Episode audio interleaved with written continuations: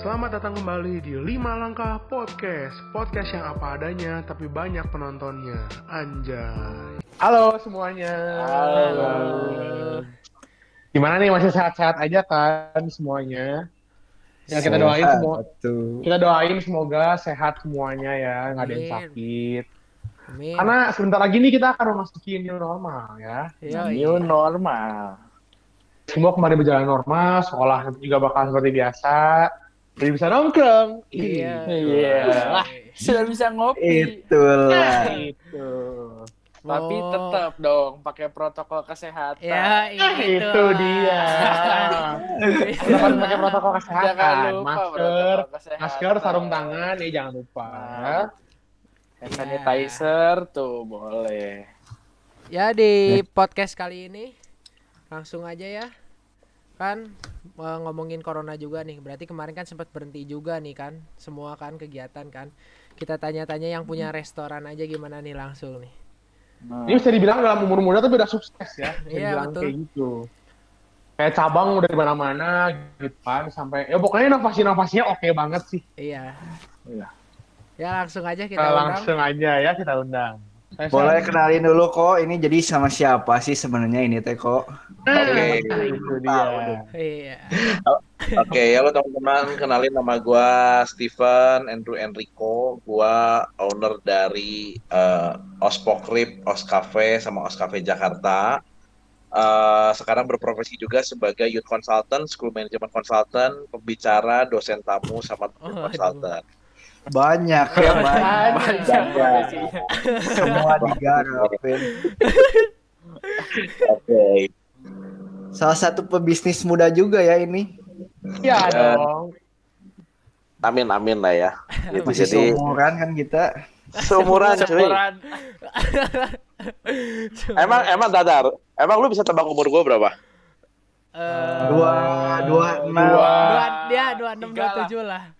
25, 26. Berapa berapa? 25. 25. Dua tiga. Dua dua enam dua tujuh mungkin. 26, 27, 23, oke. Terus. Berapa ya ini? Berapa ya? Ya mungkin. segitulah. Segitulah Lah ya. ya, segitu. Range ya. range segitu ya, range segitu. Tapi masih muda kok, masih muda Masih dong. muda. Masih muda, masih muda. Ini nih kok mau, eh, mau nanya nih kok. Eh, Mm. Kenapa dikasih nama eh, Os Cafe? Nah, Oke.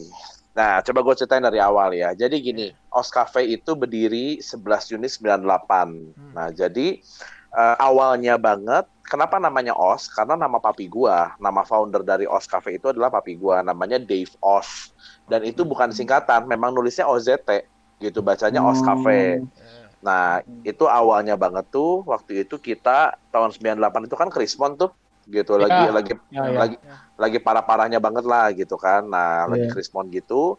Awalnya rencana pertama itu kita sekeluarga tuh mau pindah ke Australia, mau ke Sydney karena papi dapat kerjaan jadi GM hotel di sana gitu. Hmm. Nah, tapi waktu itu tuh si Opa sakit. Nah, bingung kalau kita pindah ke sana kan kalau si Opa tiba-tiba nggak ada, kita nggak bisa balik ke Indo kan, gitu. Iya. Jadi saking bingung, ya udah deh, si Papi itu punya gelang emas 30 gram, waktu itu harganya cuman 5 jutaan kurang lebih, gitu. Nah, waktu itu dia jual, dia belilah kayu-kayu bekas karena dia udah nggak punya eh, income untuk eh, apa namanya ngelanjutin ngelanjutin hidup kan butuh income dong, Iya. gitu kan. Iya.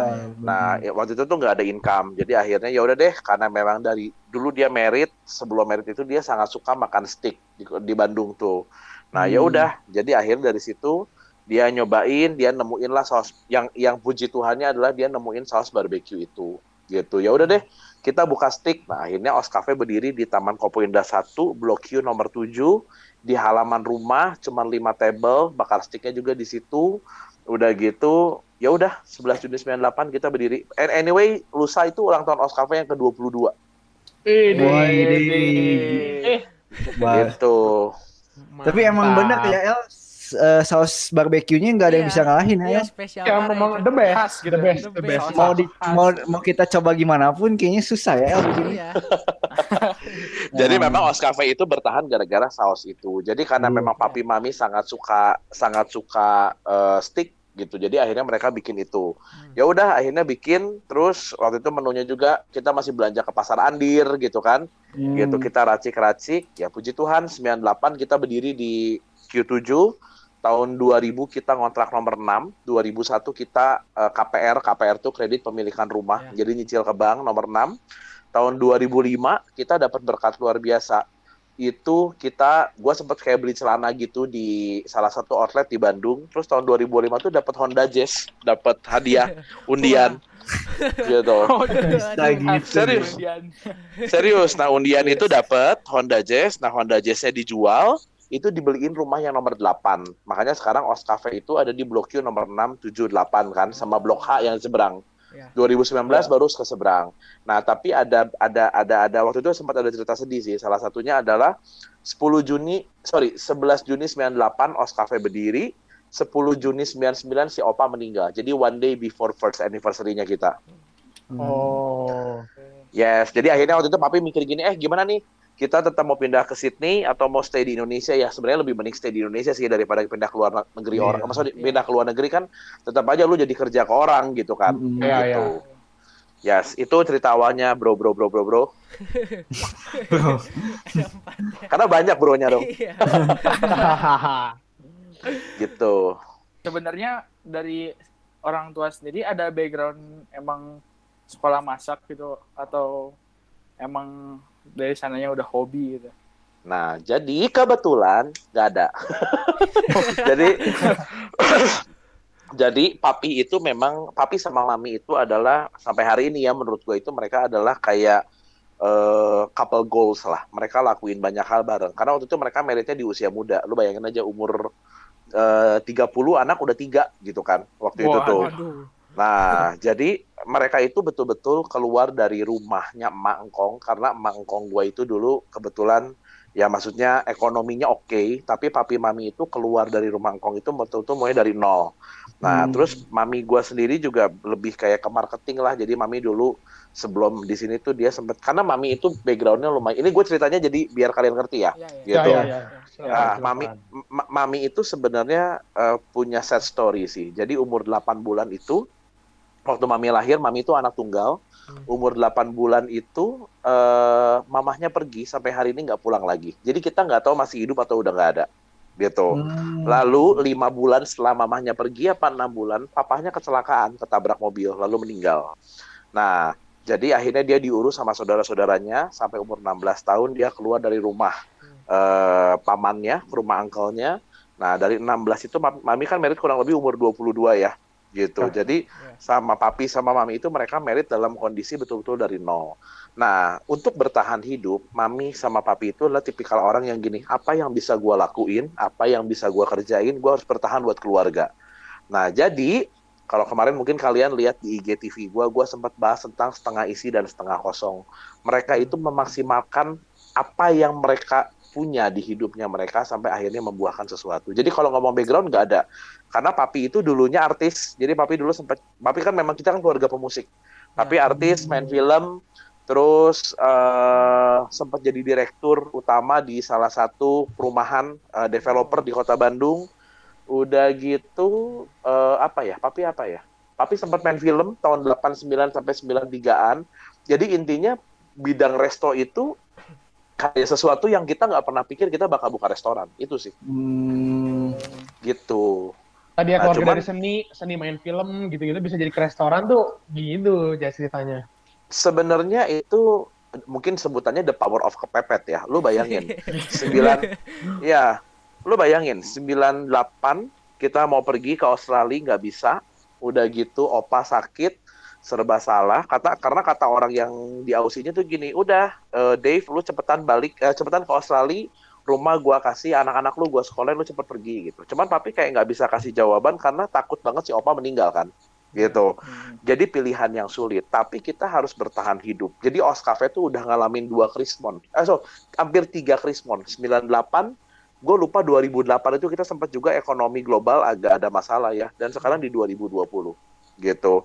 Dan ya itulah mungkin yang nanti kita akan bahas ke depan kenapa kita bisa bertahan di tiga di dua dekade ini dengan kondisi ekonomi yang maksudnya kita ngalamin hal-hal yang luar biasa ya kejadian luar biasa kan kalau kayak gini ya. Iya. gitu. Oh. Nah gini nih kok nih ibaratnya berarti kan uh, ini udah generasi kedua lah ya setelah si papi ya kan. Yap, yap. Nah apa sih yang Ko Andrew pikirin kayak ya udah nih gue lanjutin usaha papi aja kayak kenapa nggak buka usaha lain gitu? Oke, okay, uh, kalau gue mau bahas gini, uh, kita tuh bersyukur karena seperti yang kalian lihat kan, gue kenal temen tuh dari ujung sampai ujung semua gue kenal, kasarnya gitu kan? Iya, iya, iya. Gitu. Dari tukang bakso sampai presiden, manjil. Anjir. Nah, tapi sebetulnya yang gue syukuri adalah gue belajar banyak gitu loh. Lu tahu nggak betapa bersyukurnya kita hidup di Indonesia? Karena kenapa? Papa mama kalian pengusaha itu lu auto uh, kecipratan, hidup nyaman Iya. jadi Iya. pengusaha. Iya. Sekarang gue punya kafe, lalu gue anak laki-laki paling besar gitu kan. Terus sekarang eh di rumah ini sudah ada sumber penghasilan gitu loh. Hmm. Nah sekarang lu tinggal kembangin, lu tinggal ekspansi, lu tinggal benahin manajemennya dan lu kan part of this family gitu kan. Iya. Iya nggak sih? Iya. Iya, Gitu. iya, iya. Nah, tapi sebelum gua pegang kafe, sebetulnya kan mungkin kalian nggak tahu, gua ngajar 10 tahun di tujuh sekolah termasuk di BPK Penabur. Gua sempat gua di SMAK 2 itu ngajar BPK 5 gua 2 tahun, Kalam Kudus gua 6 tahun, eh SMAK 2 itu gua ngabdi hampir 7 tahun. Gitu loh. Nah, jadi eh, maksud gua gua sebelum gua di kafe, prinsip gua adalah gini, gua laki-laki dan gua harus keluar dari rumah, gua nggak boleh stay di sini gitu loh. Jadi gue Hmm. sempat eh, apa namanya ngajar eh, meskipun gaji gue cuma ratusan ribu tapi gue bertahan 10 tahun karena prinsip gue adalah gini. eh gue harus laki-laki laki itu harus keluar dari rumah gitu kan. Iya. Nah, terus eh, umur 21 waktu itu gue sempat buka catering namanya Os Catering. Jadi gue masak setiap pagi karena memang masak juga hobi gue sih. Masak sehari tiga biji, empat biji, lima biji itu setiap pagi gue nungguin di, di Jalan Kenari di pintu Angela dong. Gue nungguin di Santa Angela. Ya. Gue nungguin dari awalnya cuma lima biji, tiga biji, lima biji, akhirnya sampai akhirnya sampai sehari itu 55 biji. Nah, lalu setelah gue ngajar, setelah gue punya catering gitu kan, setelah gue jalan, gue lihat Os Cafe waktu itu manajemennya butuh dibenahin. Terus gue mikir gini, oh ya gue sempat juga jadi kayak manajemen konsultan di salah satu perusahaan grup gitulah gitu. Terus gue sempat berpikir gini, kenapa gua nggak nggak sorry gini, kenapa gua nggak nggak fokus sama apa yang gua punya gitu? Kenapa gua cari apa yang nggak ada di hidup gua? Jadi sebenarnya setengah isi setengah kosong itu udah nempel di otak gua dari lama gitu. Sekarang di sini ada komplain, sticknya alot. Terus kan kalau ekonomi keluarga naik turun kan otomatis cicilan bang nggak kebayar gitu kan? Iya. Kalau cicilan nggak kebayar, rumah lu disita, otomatis lu juga akan kehilangan semua gitu. Hmm. Nah, akhirnya umur 23 itu gue dikasih satu tanggung jawab eh, rumah yang sekarang gue tempatin nih yang nomor 8 itu dihibahin sama gue. Nah, dengan dihibahin ada dana yang harus gue pinjem dari bank gitu loh untuk nutupin eh, keperluan di OS Cafe. Nah, dari situlah gue mulai komitmen untuk membenahi manajemen di OS gitu. Hmm. Tapi sebelum gua bahas kenapa Koko pegang kafe, mungkin kalian harus dengar cerita ini gitu. Kok sekarang kan Koko youth consultant, school management consultant, eh, business consultant buat teman-teman yang newbie. Koko pengusaha kafe, eh, pembicara, dosen tamu di kampus-kampus di sekolah. Mungkin sekarang kalau kalian lihat eh, apa namanya? plakat yang gue punya itu udah lebih dari 30 gitu kan gitu. Memangnya background pendidikan Koko apa? Gitu kan kurang lebih kan? Iya, Iya, iya, iya, Gitu. iya. Nah, gue pengen bahas ini, tapi gue harap kalian responi. Siapa pun yang dengar podcast ini, tolong responi dengan benar. Jangan sampai bikin keputusan bodoh, tapi nanti ujung-ujungnya lu salah ambil langkah. Gitu loh. Hmm. Nah, jadi ini yang harus kalian tahu. Jadi gue dulu sekolah di eh, salah satu sekolah di Bandung, dan waktu itu gue SMP gitu. Jadi SD-nya gue oke, SMP. Nah waktu SMP itu gue agak kaget. Waktu kelas 8 gue nggak naik kelas, gitu loh. Jadi wah wah wah wah wah gitu ya. Maksudnya Stephen Andrew Enrico nggak naik kelas gitu ya. Jadi kayak yang bagi gue tuh kayak unpredictable things gitu. Tiba-tiba gue bisa nggak naik kelas karena gue tahu gue nggak bego. Gue tahu gue nggak nggak nggak nggak nggak nggak bodoh gitu. Gue males iya gitu kan. Gitu. Nah jadi waktu itu gue nggak naik kelas. Tapi memang di sekolah itu tuh ada kesalahan sistem. Jadi yang kelas A itu dulu paling pinter. Kelas H itu paling bu- kurang gitu loh. Hmm. Nah, gua G. Jadi kalau H-nya itu kurang, yang G-nya itu ya lu tau lah. Karena waktu itu di kelas kita yang naik itu 28 orang. Wah, Kelas gua Hampir doang. Satu kelas ya berarti. Kelasnya 40, kelasnya 40. Oh, Nah. setengah. Itu Iya. tuh it- seteng- itu tiga per empat. Itu tuh Iya. sudah lewatin pleno. Lu bayangin. Kalau nggak pleno kayaknya yang naiknya cuma mungkin cuma 5 10 orang. Nah, lalu di situ gua kayak kecewa, oh gue bisa nggak naik ya gitu kan. Tapi gua masih jalanin kelas 2 berikutnya, terus kelas 3. Nah, akhirnya gue bilang gini, "Pap, Mam, eh, boleh nggak saya nggak sekolah?" Gue bilang gitu. "Hah? Kamu nggak sekolah?" Yes, gue bilang gitu. "Eh, kamu mau ngapain? Jadi papi mami gue tuh sangat-sangat demokratis banget gitu. Kamu mau ngapain? Saya punya prinsip satu. Saya nggak sekolah bukan berarti nggak berpendidikan. Itu prinsip gue. Yang kedua, di dunia ini tuh ada dua cara untuk kita eh, apa namanya ngasah ilmu gitu. Yang satu akademis, yang satu lagi non akademisi, life skill. Sekarang Hmm. kalian udah ada LSP, sekarang kalian udah ada ekstrakurikuler yang Ya, ya. banyak lah Iya, gitu. iya. Tapi zaman gua dulu tuh eh, orang nggak sekolah tuh dipandang sebelah mata gitu. Terus mami cuma bilang gini sama papi, oke, mami sama papi kasih kamu waktu satu tahun, tapi kalau satu tahun kamu nggak berhasil, tahun depan kamu harus masuk SMA. Waktu itu gua dapet voucher tuh di SMAK 3 sama SMAK 2. Gue bilang, oke, gua akan buktiin. Nah, singkat cerita, eh gua komitmen, satu, nggak sekolah bukan berarti nggak berpendidikan. Dua, gua harus, gua harus belajar bahasa. Tiga, gua harus baca buku. Karena dulu itu ada iklan Tanto Wiyahya bilang gini, orang bodoh itu dekat dengan kemiskinan. Orang bodoh adalah orang yang tidak pernah baca buku. Gitu loh. Zaman itu kan belum zaman YouTube dan segala macam. Iya. Akhirnya gua paksain setiap hari ke Starbucks. Lu bayangin gua berapa duit yang harus keluar. Setiap hari ke Starbucks selama tiga tahun. Satu hari dua jam gua paksain gua baca buku. Starbucks baca buku, bangun relation, belajar bahasa, lalu gue perbanyak knowledge di bidang yang karena gue harus buktiin bahwa gue mampu. Nah lalu di setelah itu gue ngambil sekolah piano tiga tahun, satu buku 10 bab untuk satu tahun. Waktu itu saking gue ambisi pengen ngebuktiin banget, tiga bulan gue beresin buku piano gue. 16 tahun gue udah ngajar di Kalam Kudus, BPK 5 sama Waringin Hmm. ngajar seni musik gitu. Nah, itu berlanjut sampai ke umur 20. Akhirnya gua paket sorry, gua SMA-nya paket C karena kalau nggak gua nggak ada ijazah Iya. kan Ya, ya. gitu. Umur 20 itu gua dikasih eh, beasiswa sama SMAK 2 sama BPK Penabur itu sampai S3 di salah satu kampus, tapi akuntansi manajemen cuy. Jadi gua nggak ambil. Hmm. Nah, Hmm. dari situ gua mau- dari situ gua push diri gua untuk setiap tahun harus punya goal karena seperti yang gue selalu bilang di story story gua, siapa kita 10, sorry, siapa kita 5 10 tahun dari hari ini tergantung dari buku apa yang lu baca dan dengan siapa lu bergaul. Gitu. Makanya dari situ gua pasang goal, goal, goal, goal, goal, ya puji Tuhan sampai hari ini semua goal gua kecapai. Tepat waktu. Hmm. Gitu, Pak. Menarik.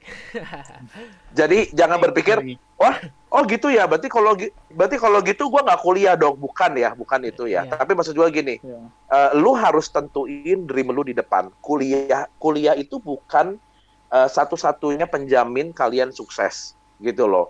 Ya. Tapi Iya. at least dengan kalian kuliah, kalian masih bisa ngelamar pekerjaan ke orang. Kalau kayak gua kan nggak bisa ngelamar kerjaan ke orang. Tapi begitu udah punya hari ini, otomatis orang cari gua. Tapi jam tapi kan jam terbangnya gua harus bayar selama hampir 10 tahun. Ya benar-benar. Hmm. Ya, ya. Itu. Yes, that's the point, bro. Nggak boleh nanti gimana, eh nggak boleh gimana nanti, tapi harus nanti itu gimana ke depannya gitu kan. Yes, lu harus tahu lu mau ngapain. Jadi jangan gini, karena gini loh, ibaratnya dari TK sampai SMA itu, itu bicara tentang kalian naik MRT, lulusnya bareng cuy. Ya benar-benar. Iya. iya. Iya kan? Seandainya seandainya terlambat satu stasiun pun tahun depan tinggal disusul, gitu tuh nggak sih? Iya. Gitu. Iya. Tapi tapi kalau menurut gua, kalau kuliah itu seperti kalian pilih satu mobil. Misalnya kalian kuliah di Unpar, berarti kalian pilih let's say Alphard misalnya gitu kan. Iya. Ya sekarang lu mau naik Alphard, mau naik Lambo juga kalau lu nggak tahu mau pergi ke mana, satu hari itu mobil akan mogok. Benar nggak sih? Iya, iya. Tanpa lu tahu Iya. tujuannya. Ya. Mogok mogok itu antara waktu habis atau uang habis. Yes. Hmm. Ya, ya. gitu. Jadi penting banget lah untuk anak-anak seumur kalian punya dream, punya tujuan ke depan karena siapa kita 5 10 tahun dari hari itu ditentuin sama keputusan kita hari ini. Jangan spe- jangan speechless gitu dong. terharu nih, terharu, terharu nih. Inspiratif. Enggak, kira-kira ke depannya kan udah ada OS, udah di apa di Jakarta juga kan kok udah di Bandung, di Bali. Terus ke depannya bakal ada rencana buat bisnis lain gak sih? Hmm, sebenarnya sih kalau ngomongin bisnis lain, em, gimana ya? Jadi kalau kita tuh sebenarnya sekarang, ya seperti yang gue selalu bilang, kita lagi ngembangin apa yang ada sama diri kita saat ini, gitu loh. Karena Hmm. OS sendiri juga punya banyak goal-goal yang harus gue capai, gitu loh. Jadi gue gua sih lagi punya mimpi untuk OS Kopo itu satu bulan 5.000 piring, gitu. Nah, Hmm, sekarang- iya, iya, iya.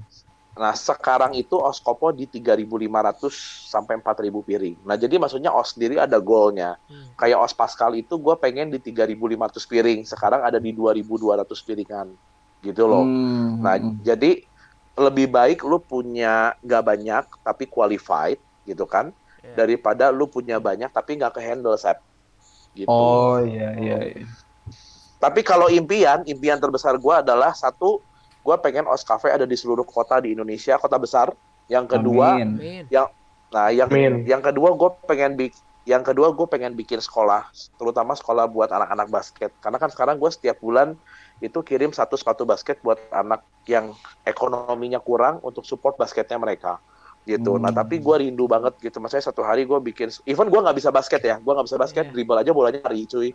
gitu kan. gitu.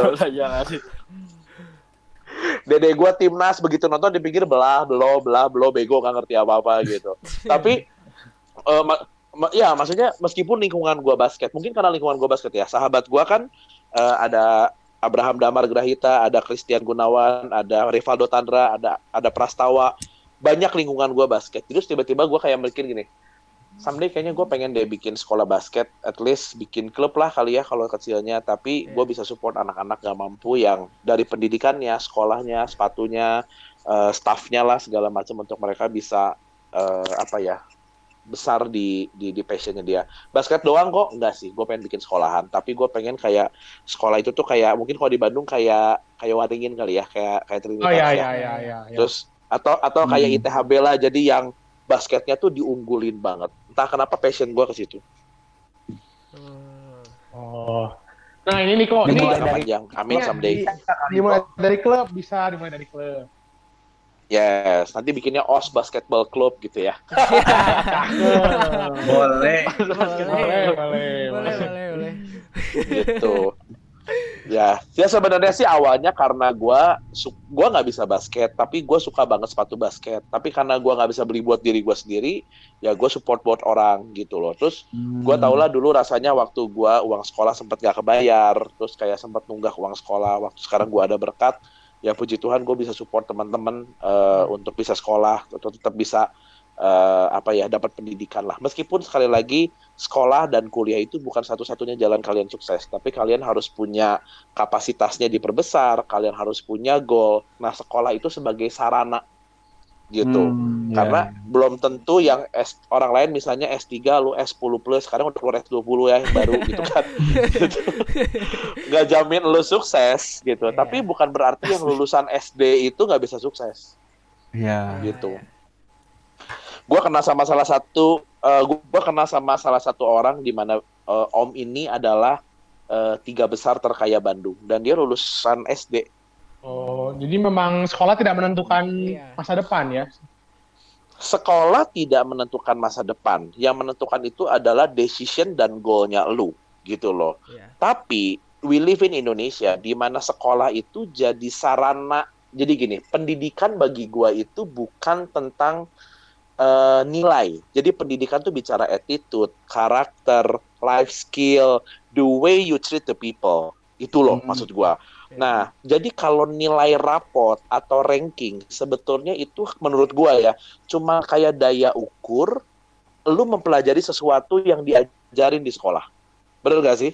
Iya. Hmm, Bener, gitu. bener, bener. Oh, oh kalau sekarang lu ulangan dapat 10, berarti otak lu tuh dalam mengingat dan mempelajari sesuatu lebih cepat. Tapi kenyataannya sekolah memang tidak menjamin, tapi pendidikan yang sekolah kasih Jadi sekolah itu bukan cuma mengajar, tapi mendidik.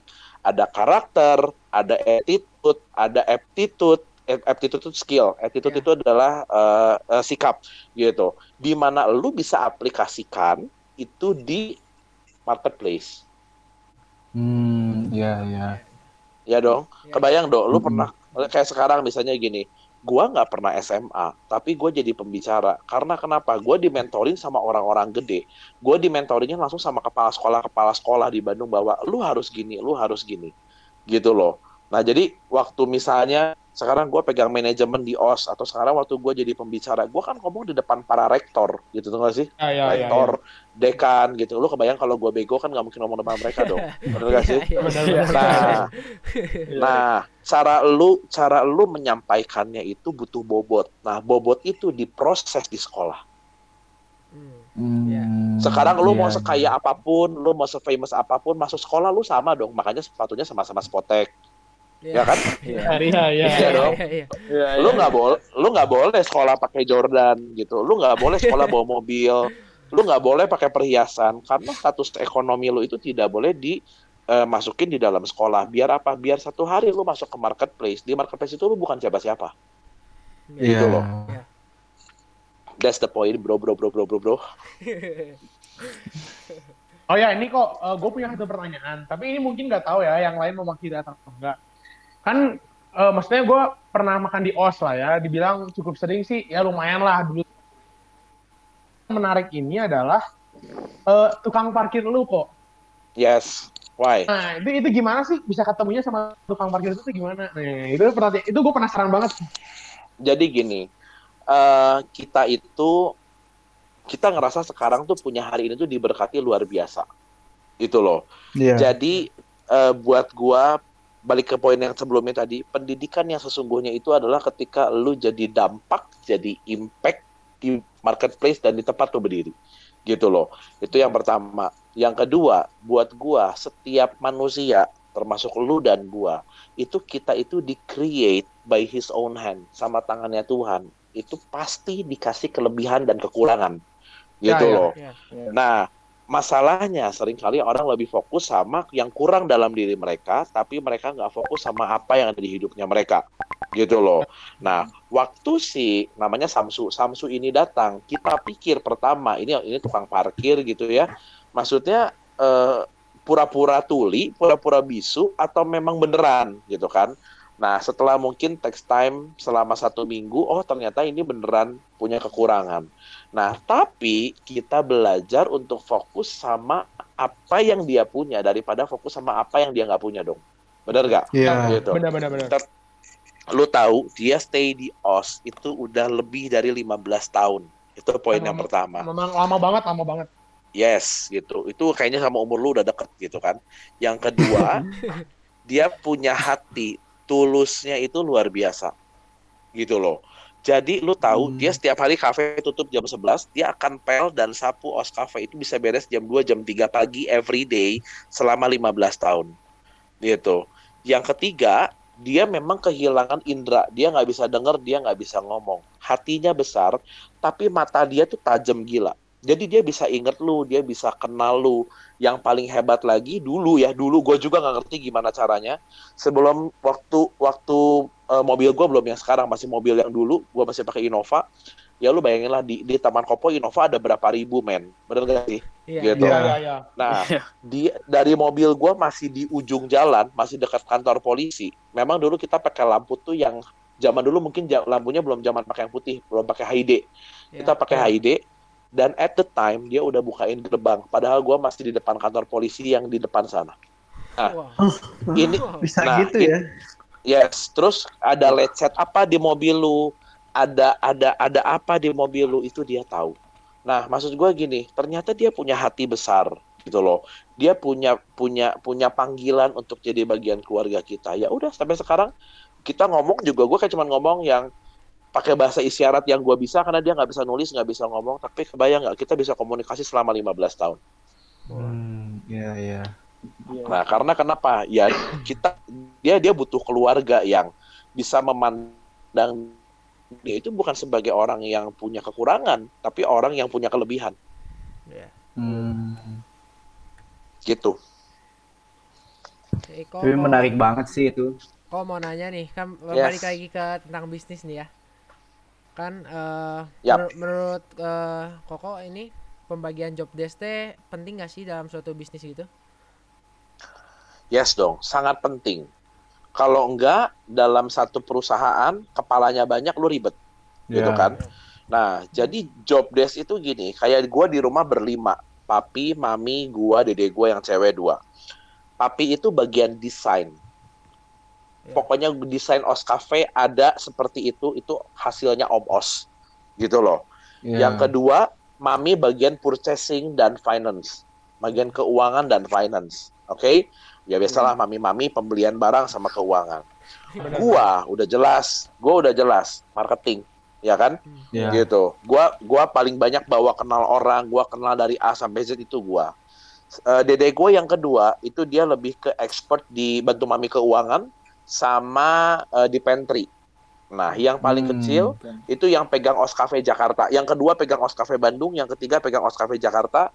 Dia lebih eh, passionnya di kitchen. Nah, kayak gue sekarang, gue ngerti eh, Os Cafe dari A sampai Z.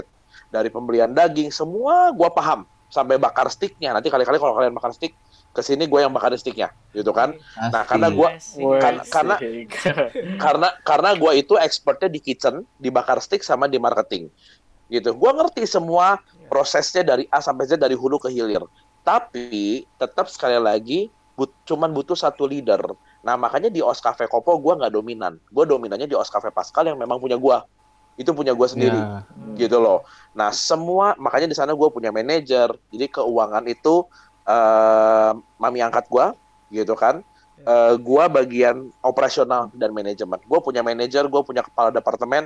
Jadi urusan urusan semua urusan yang berhubungan sama uang itu bagian mami, gitu loh. Karena Iya. seperti yang kalian tahu, gue seperti yang kalian tahu kan gue punya dua keluarga kan, gitu. Mami iya. papi gue di Kopo, sama mami papi gue sama dede gue yang cowok, gitu. Ya. Nah, jadi untuk urusan keuangan semua mami di sana. Untuk um, mami mami Ella, untuk bagian urusan yang berbau sama building itu bagian papi. Is gitu loh. Hmm. Nah, bagian operasional manajemen gua. Kalau di Kopo bagian building papi Os. Untuk bagian keuangan semuanya eh, mami Os gitu. Jadi semua butuh. Nah, kenapa butuh? Karena jangan sampai nanti lu ngelanggar batas sesuatu yang bukan wewenang lu Hmm, gitu loh. ya. Ya. Nah, jadi contoh nih kalau di Pascal, gue telepon Mami, Mimi, Mimi, eh, stok pokrip cuma tinggal 150 kilo. Lu mau pesen nggak? Meskipun gua ngomongnya gua lu, tapi tetap manggilnya Mami Papi. Ya. Terus, eh, terus eh, ya udah boleh mau pesen berapa kok? Misalnya gitu. Pesen 300 kilo lah Mi. Oh ya udah oke. Pesan. Jadi udah gua nggak usah pikirin lagi masalah daging atau ada ada atau enggak, pembayaran ada atau enggak gitu loh. Gitu. Hmm. Tapi kalau masalah kontrak kerja, operasional, marketing, bawa tamu, target itu bagian gua. Nah, dede gua mungkin bantu Felix bagian bantu pos-pos di Instagram untuk kenal eh, apa komunitas basket dan lain-lain. Jadi semua orang tuh punya tugas. Ya.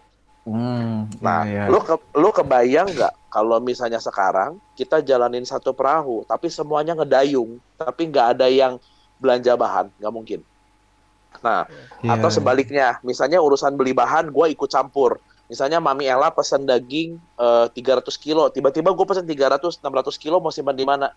Kacau kan, miskom Iya. kan, Ya, ya. ya. gitu. Miskom. Nah, ma- makanya setiap orang itu job desk itu penting, tapi setiap orang itu dipush untuk excellent di bidangnya dia yang dipercayakan sama dia. Hmm. Gitu loh. Ya kan? Sama lah kayak kalian juga Ya. sekarang di basket kan ada poin-poin, ada ada ada ada ada job desk masing-masing. Lu ngapain, lu ngapain, lu ngapain. Kalau nggak ribet, kalau nggak lu akan berantem Iya, Ya, benar-benar. benar. gitu. Itu. Begitu.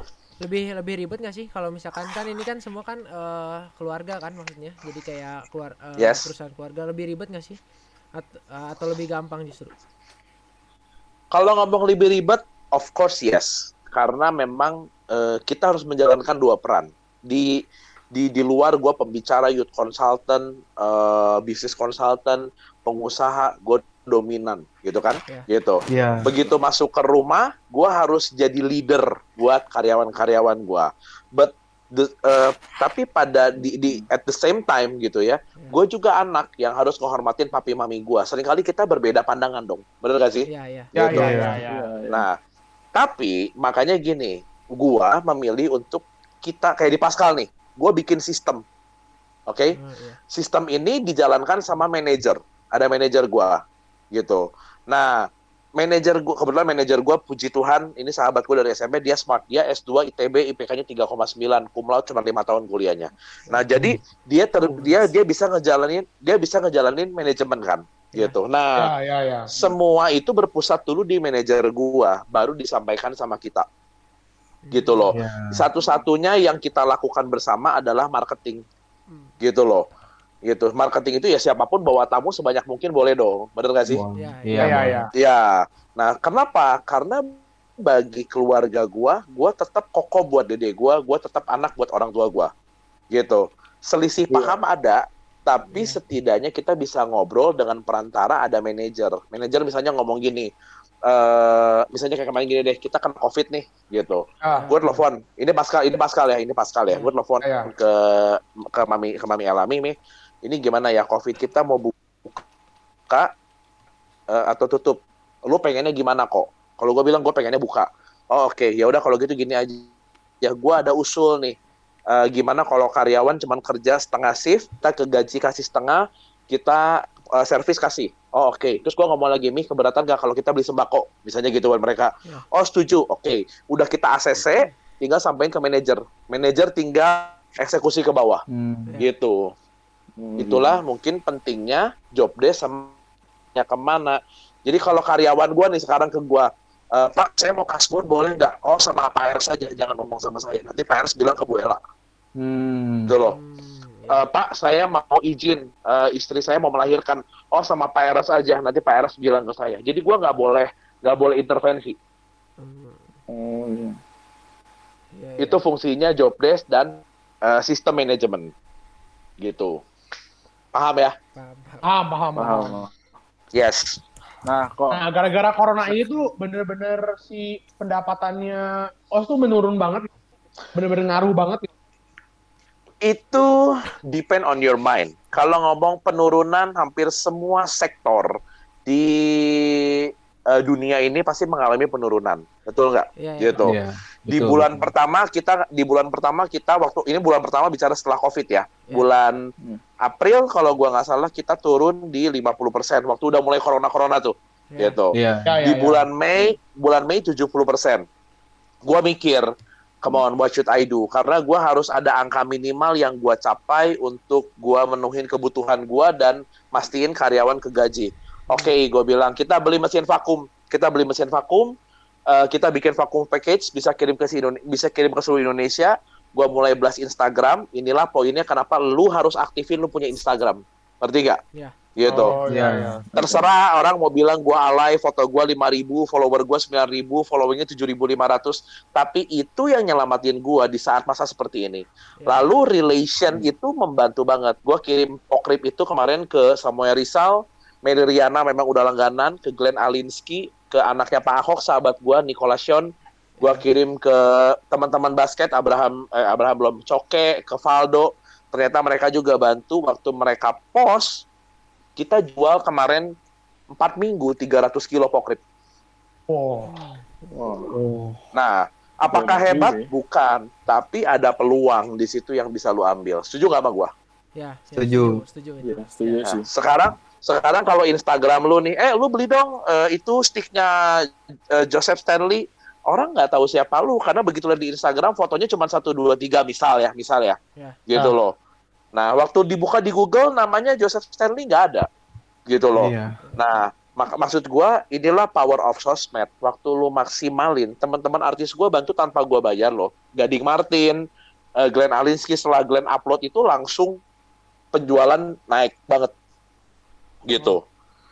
Nah, jadi yang gua bilang ini the power of relation, Hmm. gitu. It- itulah mungkin kenapa Oscafe bisa bertahan sampai 22 tahun dan apa ya bisa dibilang kayak kenapa nih kita bisa survive di saat kayak gini memang angkanya turun tapi untuk saat ini 50% tuh puji Tuhan banget loh orang lain kan Iya, tutup iya. total Iya, Ya. benar. nah itu Banyak yang Total. belum iya. tiket lagi. bahkan bangkrut bahkan bangkrut Ya. yes gitu Iya.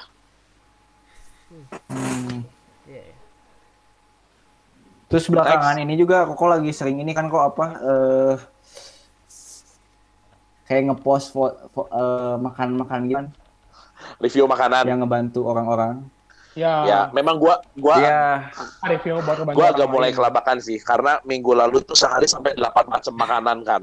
Gitu loh. Nah, tapi Edan makanya gue gendut cuy. gitu. Gue udah mulai gue udah menyerup gue udah mulai menyerupai basket ya bolanya kebetulan. nah, ini balik ke balik ke poin yang tadi. Jadi Instagram gua itu kalau misalnya kalian lihat sampai sekarang itu follow request itu masih di kurang lebih seribu seribu seribu orangan lah gitu. Kelihatan nggak? Itu ini masih di seribuan Iya. gitu. Terus engagement gua sama sama sama di story itu kurang lebih di 2000-an di 2000 sampai 3000-an kurang lebih Iya. gitu. Dan ini kan Iya. followernya asli. Nah, maksud gua gini, eh, ini bukan cuman sama itu hati gua bantu mereka untuk mereview makanan biar mereka beli, tapi dengan term and condition enak gua upload nggak enak gua nggak upload gitu loh. Nah, eh, kemarin udah ada yang DM, kok thank you ya, lu bantuin gua, gua kemarin jual Thai tea sampai 60 liter. Kok thank you ya, gua kemarin gua jual nasi nasinya dia udah sampai 185. Kok thank you ya, ada yang langsung yang beli. Maksud gua gini, gua ngebantu tulus tanpa ada fee. Kalau makanan itu enak, gua upload, gak enak gak gua upload. Tapi kalau nggak enak itu pasti gua akan support, gua kasih advice semaksimal mungkin. Prinsip gua yang tadi, jadi berkat bukan biar diberkati, tapi karena sudah diberkati. Nah, tapi satu hal gini, kenapa gue bisa kalian nggak bisa padahal kita sama-sama punya in- Instagram gitu loh Iya. ngerti gak sih Ya, ya, ya. gitu Iya. padahal kita sama-sama punya media yang sama nah mindset inilah yang harusnya bisa jadi breakthrough buat semua orang bahwa penting banget punya relasi Hmm. gitu loh Iya. ya kan Ya, ya, nah ya. sekarang nih gue selalu, gua selalu bilang Iya. gue selalu bilang sama anak-anak basket jangan berhenti basket waktu lu aktif di basket lu seringin up lu seringin posko tapi kok tapi gue takut dikira alay banyak orang-orang bilang gitu sama gue kan Ya. gitu Ya, ya. padahal zaman 10 tahun lalu kita tuh harus door to door nawarin kita punya produk ya kan Ya, ya. zaman Hmm. dulu lu harus titipin Iya. makanan itu di, di, di lewat pakai paket yang harganya mahal sekarang JNE dengan 25.000 ribu bisa nyampe ke Banjarmasin ke Pontianak ke Sulawesi ke Sumatera berarti kan kita punya punya punya media yang sama. Cuman gimana cara kita aja memaksimalkan potensi yang ada yang kita punya. Ya benar. Ah, benar-benar. ya dong? Ya. gitu. Ya, gitu. Jadi ya gue sih dengan senang hati support ngebantuin nge-review tapi dengan term and condition yang tadi enak gue upload nggak enak gue nggak upload. Karena gue jangan nggak enak sama gue nggak enak cuma sama satu orang tapi efeknya ke 2000 orang atau 3000 orang yang lihat story gue kalau dia beli kan nama gue juga yang nggak baik karena Iya, Iya. benar, Pak benar, Ahok benar. Pak Ahok Pak Ahok pernah ajarin gue waktu gue diundang makan di rumahnya dia bilang gini good name is everything waktu lu punya good name lu akan punya people trust Ya. Iya. Ya, ya.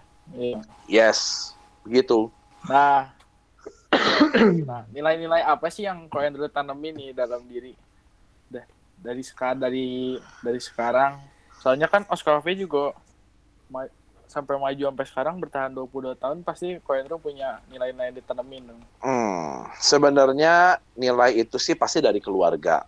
Satu, buat gua, keep fighting until finishing well. Lakuin yang terbaik yang lu bisa. Nggak ada orang bodoh. Semua orang berharga. Semua orang pasti bisa sukses. Asal bukan bisa atau enggak, tapi mau atau enggak. Nomor dua, Hmm. poin yang paling keren menurut gua ya. Waktu lu hidup benar, Tuhan pasti bela. Karena di zaman sekarang tuh lucu, lu hidup bener aja diomongin orang, lu hidup bener aja dijelekin orang. Tapi satu-satunya pribadi yang bisa ngangkat lu itu, waktu lu hidup benar itu cuma Tuhan yang bisa bela lu. Gitu. Yang ketiga, lu harus punya goal di hidup lu. Karena kenapa? Orang yang bisa bertahan hidup adalah mereka yang punya impian besar, yang tahu goalnya di depan seperti apa, berani berdamai sama masa lalu, lihat ke depan, jalanin sama Tuhan untuk raih apa yang ada di depan. Yang terakhir yang paling penting gini, hidup itu bukan cuma sekedar tentang uang. Karena sering kali sukses itu dikaitkan dengan uang. Oh, sukses itu waktu rumahnya mewah, mobilnya mewah. Bukan, sukses itu buat gua adalah bukan how much we have, but how much we give. Karena uang itu nggak pernah bisa beli yang namanya true happiness. Jadi Ya. sukses gua buat gua adalah tiga, abundant life, abundant grace, abundant happiness. Sukses itu menurut gua adalah real berkat daripada Tuhan. Sukses itu bukan uang dan mobil keren, tapi waktu lu berhasil memaksimalkan potensi yang ada di hidup lu Ya. sampai akhirnya lu jadi beda sama orang lain. Itu. Ya bener. Oke, terus kok kita berbicara tentang relasi ya, balik lagi ke yang tadi. Nah kan, maksudnya kita sering lihat nih, eh, kayak Pak Andrew tuh sering makan bareng sama karyawan-karyawannya. Yes, yes, yes. Nah kan, sorry, sorry, Iya. di repeat tadi sinyalnya ya, hilang. ya. jadi kan eh, balik lagi tentang relasinya, relasi lagi. Nah, Andrew tuh kan Yap. sering banget tuh, misalkan di Instagram tuh kayak makan bareng sama karyawan-karyawannya, ketawa-ketawa. Nah, cara menjalin relasi sama karyawan tuh gimana sih yang asik gitu. Jadi, tapi tetap menghargai sebagai atasan gitu. Jadi bukan berarti karena udah asik-asik, tapi jadi nggak menghargai gitu. Jadi kurang ajar. Ya, Balik lagi gini, eh, everything is always depend on your mind and on your word. Jadi lu kapan lu jadi anak, kapan lu jadi rekan, kapan lu jadi partner, kapan lu jadi atasan atau leader, kapan lu jadi keluarga, kapan juga lu jadi eh, pimpinan gitu loh. Nah, gua kalau ngomongin kok kenapa suka ngajak karyawan makan? Karena gue punya prinsip beberapa poin simpel tentang makanan. Satu, kok kenapa bisa kenal sama anaknya Pak Jokowi? Kok kenapa bisa kenal sama anaknya Pak Ahok? Kok kenapa bisa kenal sama banyak banget orang? Satu, semua orang butuh makan. Dan gua di sektor food and beverage, di mana semua orang bisa datang ke tempat gua. Ya. Setuju nggak? Setuju. Oke. Iya, Nomor dua. Makanan enak itu, mau presiden, mau tukang bakso, mau tukang sampah, makanan itu bicara tentang the true happiness buat seseorang. Setuju? Ya. ya, Iya. Oke, semua juga mau pemain basket, mau pemain lenong, lu makan enak pasti happy lah, gitu kan? Iya. Nah, tuh. yang ketiga, people always make a good deal on the table. Di atas meja pasti ada makanan enak, gitu loh. Iya. Nah, waktu kita mau ngobrol sama mereka, sama mereka, first thing first yang dilakukan itu adalah, yuk makan dulu, bikin mereka happy dulu, baru kita tukar pikiran, ya. gitu loh. Nah, kayak sekarang gua di endorse banyak makanan, gua share sama mereka. Itu bicara tentang relationship. Tapi karyawan itu bukan pembantu. Mereka itu adalah part of our family. Mereka itu adalah ujung tombak di perusahaan setiap orang. Lu bayangin, lu dapat Hmm. omset miliaran, tapi sebenarnya ngerjainnya mereka. Lu cuma tinggal bikin sistem. Jadi gimana caranya? reward sama punishment di mereka itu harus ada. Jadi waktu mereka doing good, ada rewardnya. Itulah yang bikin mereka nggak kurang ajar sama kita. Iya. Gitu loh. Hmm. Iya. Tapi waktu mereka salah, harus ada punishment. Contoh gini, di Pascal, itu mereka punya gaji pokok, let's say, eh, 2 juta. Itu Ya, gaji ya. pokok. Gaji pokok itu berarti ya sesuatu yang wajib gue bayarin sama kalian. Oke? Iya. gitu. Hmm. Nah, lalu em, waktu mereka doing good, gue akan kasih setiap minggu 150.000 ribu kalau nggak ada komplain dari tamu. Oke? Hmm. Berarti satu bulan itu dia akan dapat 2 juta 600. Betul ya? ya, ya. Gitu. ya. Iya. Nah, 2 juta 600 kalau misalnya mereka lembur satu jam 10 ribu, let's say satu bulan 30 bul eh, 30 jam 300 ribu. Berarti berarti mereka punya uang gaji kurang lebih 2 juta 900. Ya. Ya, ya. Nah, ah, anggap ada uang tip dari tamu 100 ribu, 3 juta. Oke ya, Ya. Cengli kan? Ah, ya, ya, ya. Oke. Ya. Eh, dia nggak masuk, nggak ada kabar sama gua. Gua ilangin 600 ribunya servisnya. Hmm. Eh, ada sambal Hmm. mata, rasanya nggak enak, atau sayur warnanya nggak bagus. Gua akan hilangin 150 ribu minggu itu. Oh, Eh, iya iya iya. Eh, ada yang pesan wagyu. Tapi dia datang ke meja wagyunya itu merah, nggak eh, nggak matang. Orang itu akan kehilangan 150 ribu di minggu itu. Nah, sedangkan di akhir bulan tuh ada syarat gini. Kalau kalian udah dapat 600 ribu, 150, 150, 150, mereka akan dapetin bonus 500 ribu untuk kitchen, produksi, dan kitchen. Hmm. Gede kan? Ya gede. Gede kan? Iya, Gede. gede. Tapi kewajiban gua kan cuma 2 juta. Jadi waktu lu doing good, lu akan dapetin sampai 3,3 juta. Tapi kalau lu nggak doing good, lu akan cuma dapetin 2 juta. Itu kewajiban gua sama lu. Oh iya iya iya. Jadi lu mau doing good nggak? Itulah cara gue jaga QC, jaga quality control, jaga mereka biar jangan nggak masuk sembarangan. Waktu mereka sakit, gue kirim, gue kasih lima puluh ribu eh, untuk dokternya. Waktu mereka masuk rumah sakit, gue kasih lima ratus ribu untuk biaya, untuk bantu biaya rumah sakitnya, gitu loh. Tapi lu Iya, sakit nggak ada surat dokter, gue hilangin enam ratus ribu servisnya. Oh, jadi ada ada reward tapi juga ada hukumannya gitu. Di, ya as long you doing good gue pasti kasih reward. Tapi waktu lu seenaknya ya ada ada ada ada ini. Ada apa? Ada ada punishment. Lu sekarang gaji 2 juta. Nggak masuk 10 hari. Ya of course dengan senang hati akan gue potong 30 ribu kali 10 hari. 300 ribu ya uang gaji lu cuma 1,7 gitu loh. Iya. Iya. nah jadi kan orang lebih ngehargain kalau gua kerja bener ya, ya. kayak kalau gua kayak gua nih sekarang nih mereka kerja gaji 50% tapi gua beliin sembako mereka udah happy banget lah dibeliin beras 5 kilo dibeliin kecap dibeliin apa karena mereka tahu sebetulnya itu bukan hak mereka tapi kebijakan Iya. Mm. ya dan kitanya juga kan nganggap mereka keluarga makanya kita keluar Ya, ya. kebijakan itu gitu Hmm. Ya kita udah di segmen terakhir sih kok jadi gue mau nanya aja nih kayak eh, kita kan namanya lima langkah nih gue mau nanya lima langkah menuju kesuksesan menurut Ko Andrew gimana sih? Oke, satu udah pasti andelin Tuhan di hidup lu. Karena hidup di dalam Tuhan aja nggak gampang, tapi at least ada pegangan.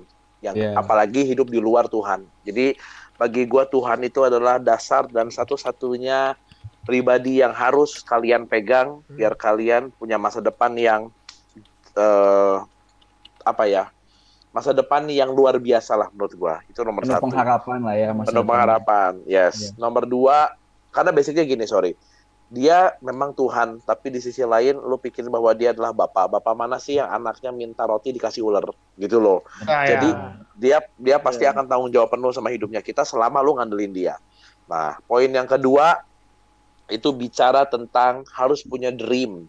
Siapa kita 5-10 tahun dari hari ini tergantung dengan siapa kita bergaul dan buku apa yang kita baca. Gitu. Jangan yolo yolo yolo yolo yolo yolo yolo. Karena beda antara menikmati masa muda sama ngancurin masa depan. Oke? Lama-lama loyo. Iya. Ya, orang, orang makan nyantai, yolo kok santai. Bedain antara menikmati masa muda sama ngancurin masa depan. Yang Iya. ketiga, menurut gua eh, kalian dikasih banyak kelebihan dalam arti kata kalian anak basket lah, kalian sekolah di sekolah terbaik gitu kan dan segala macam.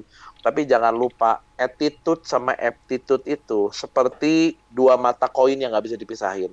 Lu hidup baik aja nggak bisa, tapi lu harus punya skill. Lu pintar aja nggak bisa, tapi lu harus punya sikap hati sama manner. Oke? Iya. Iya. gitu. Attitude itu bicara tentang the way we treat the people, gitu loh. Hmm. Nah, yang keempat itu kita bicara tentang build your own relations, sorry, build a great relation with all people around you. Jadi lu harus bangun relasi gitu. Jangan kotak-kotakin orang. Lo lu bukan anak basket, jangan main sama gua. Oh, lu bukan orang kaya, jangan main sama gua. Temenan Hmm. sama semua orang, tapi bergaul hanya sama dengan yang positif. Ya. Ya. Karena kalau lu bergaul sama semua orang, nanti lu kayak bunglon, deket merah, deket, deket merah jadi merah, deket hijau jadi hijau. Lu harus punya, ya, lu harus punya prinsip di hidup lu. Karena kenapa? Kalau lu nggak punya prinsip, lu akan gampang ke bawah. Karena dalam pergaulan tuh cuma dua, ditarik atau menarik, betul kan? Ya. Ya, Gitu. Iya. Nah, yang itu relation itu juga dibangun di sosmednya kalian. Jadi silahkan diaktifin sosmednya, story-nya, Instagramnya. Jangan jadi orang toksik karena orang toksik itu pasti bah- satu hari bakal dijauhin orang. Even lu pinter, jago basket, jago nyanyi, jago bahasa, IPK lu orang lain 3,7, 3,8, IPK lu 4 misalnya gitu. Tapi kalau attitude lu nggak nggak nggak apa namanya nggak nggak oke, orang nggak akan terima lu. Nah, yang Hmm. terakhir ini adalah karakter yang menurut gua penting. Jadilah pribadi yang excellent. Excellent tuh apa? Selalu memberikan yang terbaik meskipun hasilnya mungkin belum yang terbaik. Keep fighting Iya. until finishing well. Udah sih dari gua itu aja. Hmm, ya. Udah thank you tuh ya kok. Terima kasih ya kok sudah hadir. Thank you ya, Ko. Sama-sama. Udah nyempetin. waktunya. sibuk nih Sama-sama. kan, padahal sibuk nih kalau Andrew ini sibuk. Hari ini hari ini gue edan sih. Jam satu jam satu gue meeting. Jam satu gue tadi meeting sama eh, adalah teman pengusaha gue. Terus jam setengah jam, jam sampai setengah empat jam empat itu gue potong rambut udah gitu sampai jam 6 gue meeting sama Kevin Tania nyampe pasca jam 7 gue meeting ambil barang. Jam 8 itu harusnya gue ada zoom sama Ko Timotius Aditan tapi untungnya postpone. Eh, terus tadi telepon cewek gue sebentar eh, selama perjalanan dari Pascal ke Kopo. Karena gue nggak ada waktu lagi jam 9 sekarang sama kalian sampai jam 10 jadi lumayan padat. Tapi bag- bagi gue gini kok kenapa eh, lu mau nyiapin waktu buat kita? Karena gue percaya apa yang ditabur itu nggak mungkin balik sia-sia. Itu buat gue jadi semoga podcast ini bisa jadi berkat bisa jadi dampak bisa jadi influence buat banyak orang buat anak-anak muda dan anytime kalau kalian mau ngobrol sama gue silahkan DM sebisa mungkin gue pasti akan siapin waktu untuk layanin kalian satu-satu gitu Nanti kita datang ke OS, nanti kita datang ke OS. Kita dong. datang. Ayo, ayo. Nah, kita makan-makan ke Ay- ayo nanti kita di time lah ya Boleh, boleh. Ya, siap. Boleh, boleh. gitu oke Thank you ya, Thank kok. you, kok. gitu. Iya kok. thank you Iya, Tuhan berkati God bless you sukses ya bye Dadah.